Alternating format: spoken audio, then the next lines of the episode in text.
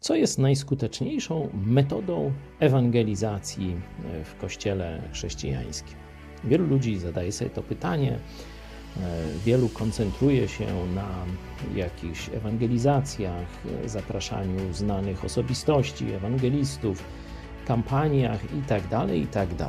A ja Wam zaproponuję zajrzenie do momentu, kiedy Jezus założył swój kościół, czyli kiedy Duch Święty zstąpił jak wyglądało świadectwo y, ówczesnego kościoła. Owszem, były znaki, cuda, były wspaniałe przemowy ewangelizacyjne, ale zobaczcie sobie drugi rozdział, wersety 46 i 47.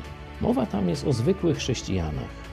Codziennie też jednomyślnie uczęszczali do świątyni, a łamiąc chleb po domach, przyjmowali pokarm z weselem i w prostocie serca. Z weselem i w prostocie serca, chwaląc Boga i ciesząc się przychylnością całego ludu.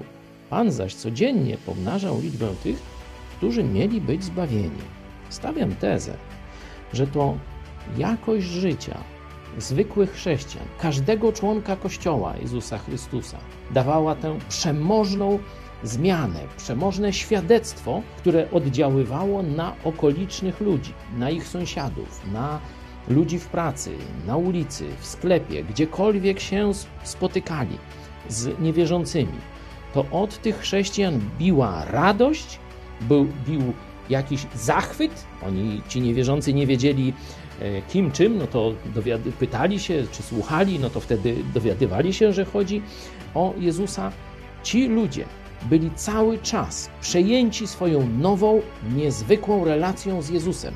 To tak biło po oczach, że wszyscy ludzie to zauważali, że coś się z, tego, z tym człowieku zmieniło, że ten człowiek jest jakiś radosny, jakiś pełen entuzjazmu, że ma to, czego ja nie mam, ma to, czego mi brakuje.